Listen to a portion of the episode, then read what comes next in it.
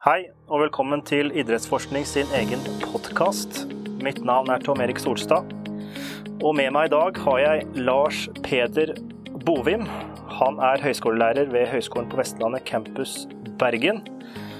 Og dagens tema er virtual reality. Velkommen, Lars Peder. Jo, takk, takk. Alt bra? Ja da, det blir spennende å prøve seg på en podkast. Ja, supert. Eh, vanligvis så pleier vi å starte litt med din bakgrunn som eh, hvem du er. Og slik at vi, derfor ønsker vi å vite litt om din bakgrunn med tanke på utdanning, jobb og forskning, og hvordan du egentlig havnet opp i eh, dette med virtual reality. Ja, da kan jeg si at jeg er nå en god gammeldags platearbeidersveiser. Ja. Så var det ikke det så interessant, så tok jeg fysioterapi igjen. Og så var vel egentlig ikke så interessant med fysioterapi heller. Men så var jeg så heldig at rett etter turnus så ble jeg spurt om å komme tilbake på høyskolen og bygge opp og få i drift det som vi kaller for rehab-laben her nede i Bergen. Så er det nå mye tilfeldigheter og krav om master for å jobbe på høyskolen. Og så plutselig sitter jeg her. og Så har bare holdt på i et par år, egentlig. Ja. Så du har ditt uh, hovedvirke på lab? Ja. Ja. Ok, ok. Så du har en mastergrad i fysioterapi, Uh, jobber som høyskolelærer og med fokus på lab. Men så har du også gjort, også har du gjort en del forskning. Kan du fortelle litt om eh, den forskningen du har gjort? Ja, det som er så starten på det, er jo det at det var mye utstyr på laben, og så ble jeg utfordret på å få i bruk utstyret. Og så at vi har to vinklinger, det er undervisning og så er det forskning. Nå skal du få ting kjapt i gang i høyskole- og universitetssammenheng, så er det jo bare å invitere til forskning. Så første møte med VR, det hadde vi med en masterstudent som kom fra datafag her på høyskolen. Og hadde lyst til å se på hvordan bruke VR inn mot eh, pasienter med ryggsmerter. Ja. Og ut fra det så ble jeg engasjert i det han holdt på med. Og siden så Ja, jeg er jo i starten av karrieren nå, men det vi har fått på plass, er rett og slett VR for gangtrening. Så skrev en del innlegg på det, skrev masteroppgaver og har den ventet på noe godkjenning på publisering. ja, riktig. Riktig. Ja, for du har vel eh, Du har vel Er det to eller tre artikler publisert? Nei, det er konferansebidrag har funnet da, tror jeg. Det er konferanse, ja riktig. Det er det jeg har funnet på ResearchGate. Riktig. Ja ja. Men det er forskning, det òg. Det er jo det. Eh, nå som vi er inne på VR, altså virtual reality, så pleier jeg enkelte ganger å ta en litt sånt uh, historiesegment om, uh, om VR, eller om temaet vi skal ta opp. Så du får også arrestere meg hvis jeg tar feil eh, om, denne, om denne historien. Men eh, slik jeg kan eh, søke meg fram på internett, så fant jeg ut at dette med virtual reality har jo egentlig vært Det er ikke noe nytt, men det har for selvfølgelig blitt modifisert gjennom tidene. Og allerede i 1939 så ble det patentert et stereoskop. Og i hvert fall jeg hadde en slags leke når jeg var liten, der jeg putta et, eh, et rundt, eh, rundt papp, eh, pappsak med bilde på ytterst, som jeg kunne putte ned i en slags kikkert. Og så kunne jeg snu på det, den runde plata og kikke mot lyset og se bilder. Det er et slags stereoskop, og det er på en måte første, første delen av dette med veien mot virtual reality. 1960 så kom noe som kalles head-mounted display. Eh, Det var ikke interaktivt eller eh, så veldig bra, men det hadde 3D og faktisk stereo. 80-90-tallet så ble også VR produsert, men uten noe særlig suksess. Det var ikke før eh, Oculus Rift kom i to, ja, mellom 2012 og 2014. Eh, Det ble, slo virkelig an. Og så har jo da ulike merker som HTC og Sony og Samsung eh, hengt seg på denne bølgen. Og VR har vel egentlig blitt veldig, ikke allemannseie, men eh, blitt ganske kjent for eh, ganske mange. Men i hvert fall slik jeg kjenner VR, er jo gjennom underholdning og gaming. Og VR har jo flere bruksområder enn det. Har det ikke det, Lars Peder? Ja, det har jo det. Men ut fra en nydelig innføring her, så kan du si at hvert fall min tanke, er hovedgrunnen til å bruke det inn i trening og behandling, som gjerne er hovedfokus i dag, er jo nettopp den underholdningen og gamifiseringen av trening. Ja, riktig. Riktig. Det vil si gjerne halve gevinsten med VR er nettopp det å gjøre det gøyere og mer forståelsesfullt, det du skal gjennomføre. Mm. Uh, før vi går litt uh, nærmere inn på det du sier der, så har jeg lyst til å på en måte uh, Fordi ha, vi har jo virtual reality, vi har augmented reality, og så har vi noe du skriver i dine Eh, konferansepapirer. Um, immersive Virtual Environment, IVE. Kan du si noe forskjell mellom dette med VR og IVE, slik at du skriver det? Ja, du har faktisk nevnt det litt, kanskje ubevisst, i innføringen. Ja. Det som vi legger i begrepet virtual environment, fra skillet fra virtual reality, er nettopp det der innholdet av interaktive element. Så du kan si at uh, virtual reality blir mer sånn totalbilde av hvordan du spiller i disse brillene. Mens virtual mm. environment bygger mer på selve miljøet som er i bildet. Og Grunnen til at vi har hatt et sånt skille, er rett og slett at hvis du stuper inn i forskningen, som er gjort før, kanskje for fem år siden, veldig mye fatt på virtual reality. Men når du begynner å lese, så innser du etter hvert at det, det er den gode gamle datamaskinen veldig mange bruker. ja, riktig. Det er et forsøk på å skille litt imellom hva vi egentlig har drevet på med. Ja, riktig. Så en liten presisering, egentlig? Ja. Så det er ikke ja. mye store forskjeller. Men hvordan er det du gjør treningen mer underholdende gjennom å bruke nettopp dette med eh, virtual environment? Ja, da kan vi jo gå bort på det jeg gjorde i masteroppgaven, det som vi jobber videre med nå. Som da er mest, altså mer spesifikt gangtrening på tredemølla.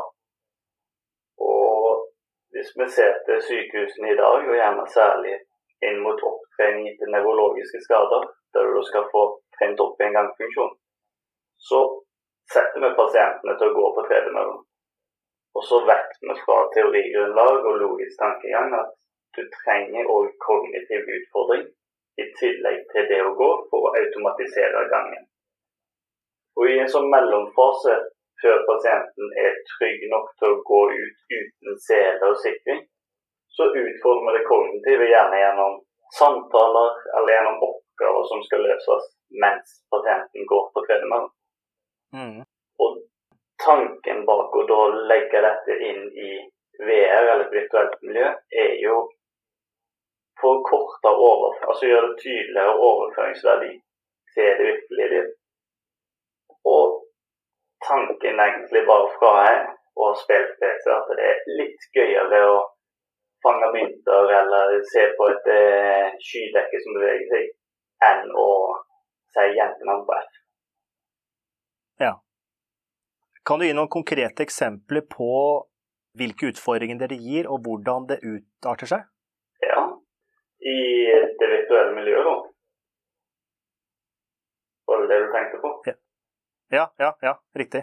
Altså En eksempel på en utfordring vil være rett og slett at du har en håndkontroll som du ser når du har på deg disse VR-brillene.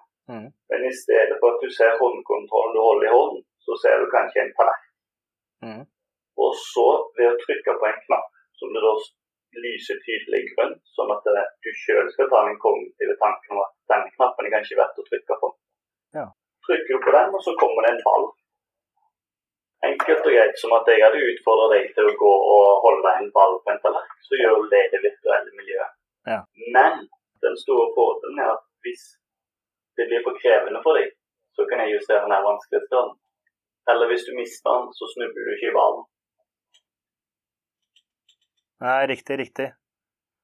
Så det handler egentlig om å lage et uh, tryggere miljø for uh, feiling og prøving? Ja. ja. Så det andre aspektet med at du kan virkelig altså, du kan virkelig gjøre ting som du ikke kan gjøre ellers, da.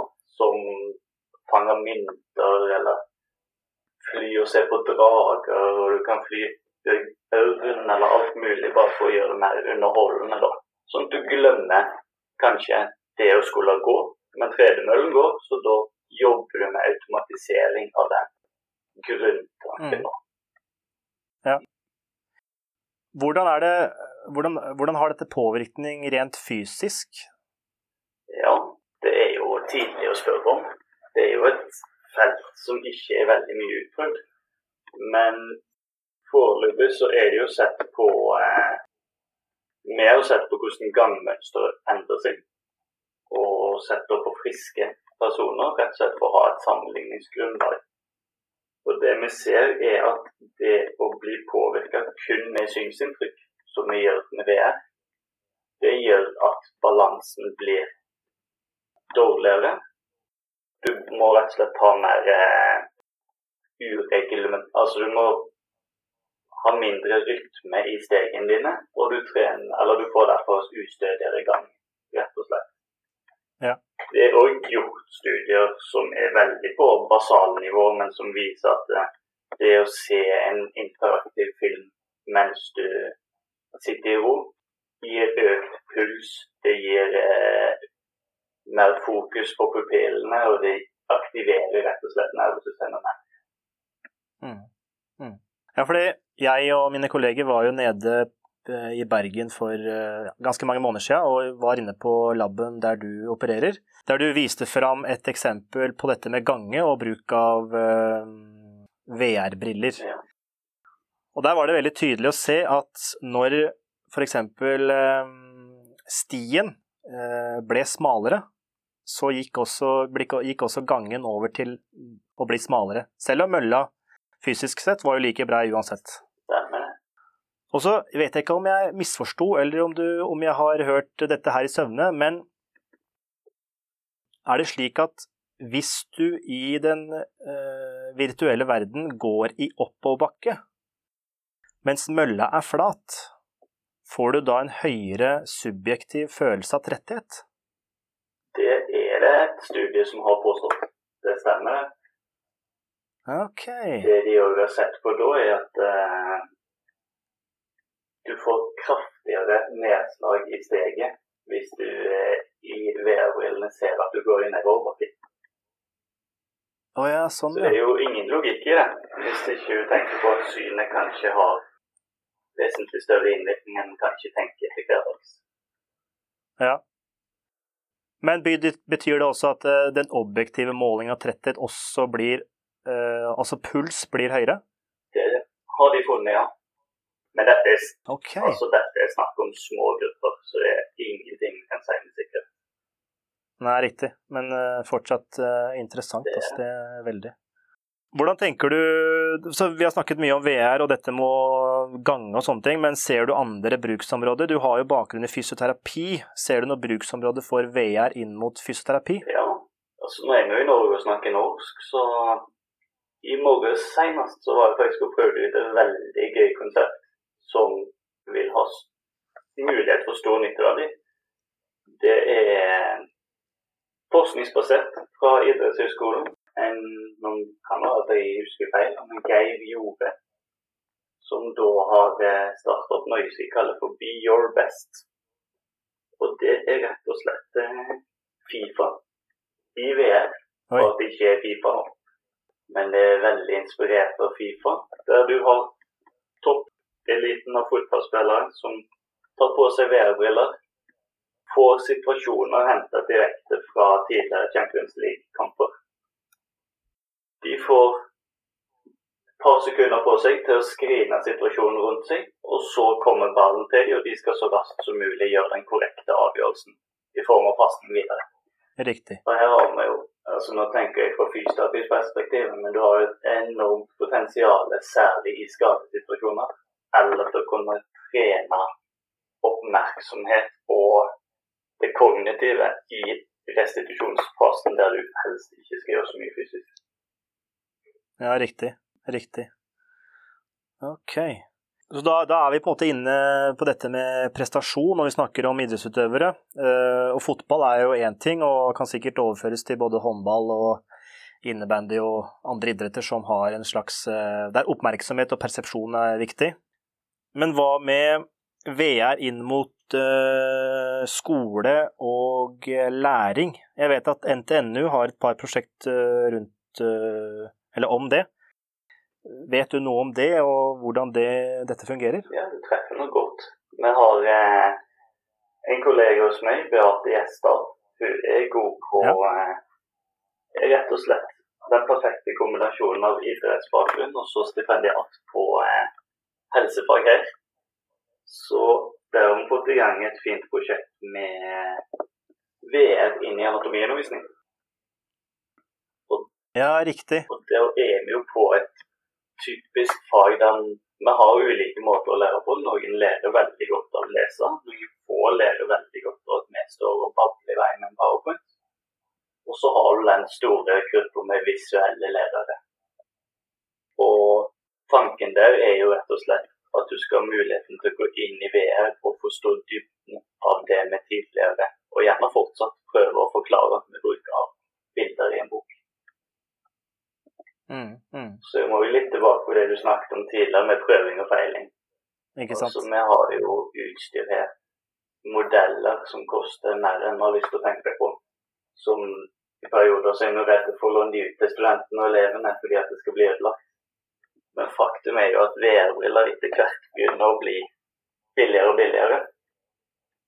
Og det skal mer til å ødelegge et par med VR-briller enn det skal å ødelegge en anatomisk modell.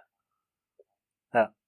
Det er min påstand. Ja, for det er jo mest sannsynlig billigere med VR enn et, uh, enn et uh, lik, hvis man skal studere anatomi. Det er litt uh, bedre.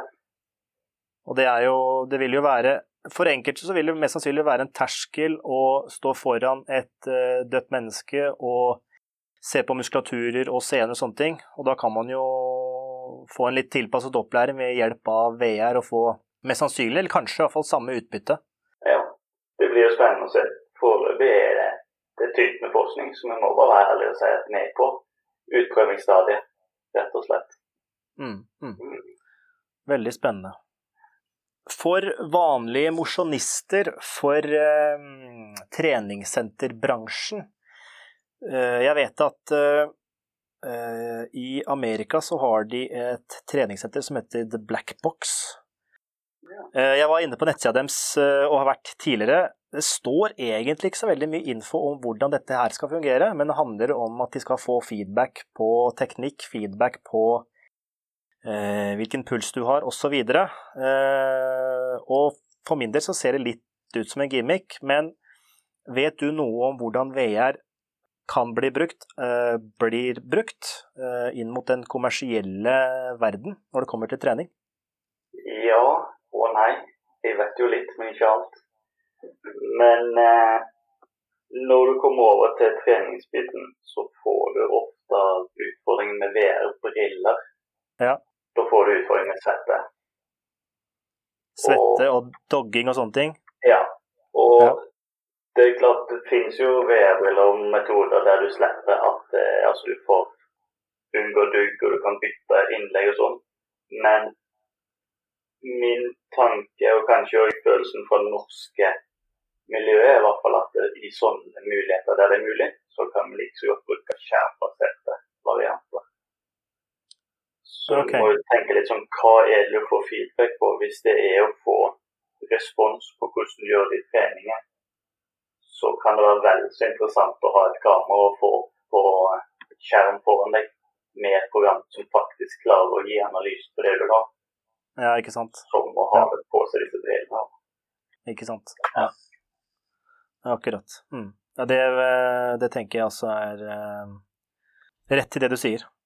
VR er jo eh, kom jo først for å være underholdende inn mot eh, spill og det vi kaller for gaming. Um, og så er det mange spill der ute som har blitt eh, forsket på om det har en helseeffekt, blant annet VU Sports er jeg ganske sikker på.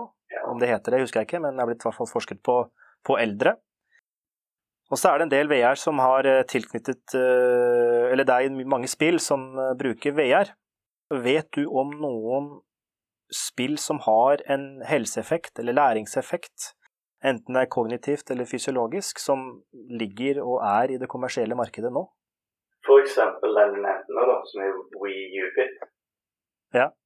Da er vi jo altså Nå er vi i en diskusjon av hvordan definere VR, for det er skjermbasert. Ikke sant? Så hvis vi går og ser på skjermbaserte moduler, men der kravet er at det er interaktivt, Ja. så har vi veldig mye som bygger på vi og Kinect og sånn type sensorteknologi for målbevegelse. Ja.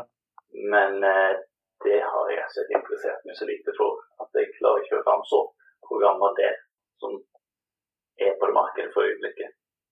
Det er riktig. Men man kan vel spekulere i at dersom en eh, skjerm sammen med en Kinect fungerer, og hvis man da putter denne skjermen enda nærmere øynene og får da VR, så skulle man jo kanskje tro at den viser mest sannsynlig samme effekt. Ja, eller mer. Ja. ja. Kanskje noen ideer for videre forskning. absolutt. Ja. Du bruker jo VR sammen med tredemølle. Er det noen andre bruksområder der VR kan kobles opp mot annet type utstyr, og, og på en måte øke effekten, om det er læringseffekt eller fysiologisk effekt, eller øke effekten, rett og slett? Det vi begynte tidligst akkurat inn mot treningsperspektivet, det er jo sykkel. Ja. Det er jo praktiske årsaker. altså det, Du sitter nå på sykkelen, så det er enkelt å få på seg brillene. Og det, det som er brukt mest inn der, det er tilvenning og det å bli kjent med løyper. Jeg vet også at Hvis vi går på den skjermbaserte varianten, så er det mye brukt på visualisering innen alpint. Å bli Ja. kjent med løyper på forhånd og slippe å måtte kjøre gjennom den flere ganger enn du får lov til. Så egentlig alle, alle idretter som der det visuelle, der man ofte visualiserer ofte, som f.eks. alpint, vil jo VR være viktig. Ja, Og det vil jo være den enkleste varianten, og derfor er det jo den vi snakker om her nå med størst sikkerhet, fordi at det er så logisk at vi trenger ikke for sterk forskning på den biten. Nei, nei. Så er vi jo som forskere flest restriktive med å si at det gir bedre effekt enn annet. Ja, Sånn er det jo. ja riktig, riktig, riktig. Man eh, Ja, jeg prøver å bruke ordet spekulere, men eh, erfaringsmessig så får jeg på en måte Ja, det kan funke, ja, men det kan ikke funke. Så det, det skjønner jeg veldig godt at man ikke vil eh, komme med noen noe påstander som man kan ikke, ikke backe. Ja, men det er klart hvis vi skal spekulere, så kan vi jo se på hva de har fått til i flybransjen over lang tid. Så der har vi jo der har vi satt på elementer som er mer enn bare synsinntrykket. Hvis vi tar det over i trening og vi bruker de fleste læringsteorier som er, så får du jo større effekt av treningen hvis du klarer å påvirke flere eh, inntrykk eller modaliteter på en gang. Mm. Og da er vi jo kanskje inne i framtiden der du skal koble VR-briller med sensorer på kroppen, som òg kan gi det vi kaller for haptisk respons. da, Rett og slett trykk, temperatur, vind og den type inntrykk. Ja, riktig. Ja, fordi øh, gjorde et lite søk i dag, og eh, 30. juli så ble det Det var vel en nyhetsartikkel om noe som kaltes en VR-drakt. Ja, Tesla-suit. Tesla-suit, ja, riktig. Kan du, hva, hva er dette for noe? Ja, det er jo rett og slett eh, Det er den ultimate form for haptisk respons i en VR-situasjon. Det er en drakt som du tar på deg som en hvilken som helst inntilsittende kjeledress. Mm. Så er det sydd inn små sensorer i stoffet, som du ved hjelp av dataprogram kan putte inn respons som stemmer overens med det du gjør i spillet. Da begynner vi å snakke høyteknologiske varianter. Ikke sant. Ja, for, du, ja, for du, har, du har jo også det man kaller for eh, 360 møller også. Der du kan løpe i alle retninger, og så har du et slags sånt eh, plastikk hva skal jeg kalle det, rockering rundt deg, slik at du ikke får løpt av sted, men du kan løpe på stedet? Ja, stemmer. Der er jo eh, ja, hva skal jeg si, det er mye gøye muligheter. Ja. Men når vi starta her hos oss, så starta vi på det grunnleggende og rett og slett overføringsverdien. Mm. Og da er det gjort studier på disse møllene som viser at det er overhodet ikke naturlig gange du driver med på en sånn mølle. Ok. Det er rett og slett du endrer det grunnleggende gangmønsteret til en så stor grad at foreløpig så er det ikke gjort så mye der. Men da har vi et firma, eller et helt universitet egentlig, borte i USA, Ja. som har lagt i de mange millionene du må på et sånt type prosjekt. De har fått på plass en sånn mølle nå, der du kan snu og vende, som jo er det du er på jakt etter. Ja. Og mølla responderer så raskt at de sier at du kan svinge 180 grader eller mindre uten at det er endre gangmønster. Wow.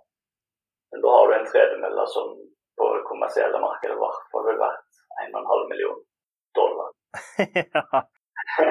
Det er nok eh, langt frem i tid, men det er jo spennende, det er jo spennende å høre om det, at det faktisk, eh, faktisk eksisterer. Ja. Så hva tenker Eller hva, eh, hva er dine tanker og de, dine ideer som du vil sette ut i spill med tanke på videre forskning inn mot uh, VR, eller uh, IVE, som du kaller det? Så målet mitt for øyeblikket er egentlig vinkla inn mot undervisning. Ja. For nå har jeg sett at nå når vi har gjort det grunnleggende inn på eh, trening og idrett, jeg syns det er interessant, men det er veldig mange sterke miljøer som jobber inn mot allerede. Ja. Og rett og slett pga. stillingen jeg er her, så har jeg sett at nå kan vi prøve å sette fokus inn mot eh, undervisning. Men så har vi et sterkt idrettsmiljø her, som sammen med dere oppe i Sogndal nå har fått, eller snart får eh, midler til å bygge opp Den kommer til å kalle for en idrett, eller VR-idrettsland. Ja, riktig. Og første fokuset der blir da inn mot fotball, som det prosjektet vi nevnte i sted. Ja, stemmer. Stemmer.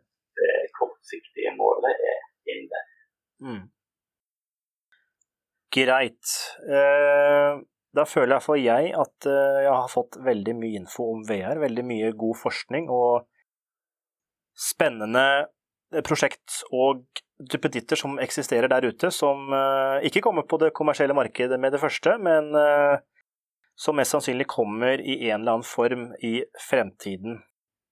Vi pleier å gi litt kontaktinformasjon om hvordan man kan eh, se din videre forskning, og da pleier vi å anbefale folk å eh, kikke på ResearchGate, som er en slags eh, Facebook for akademikere.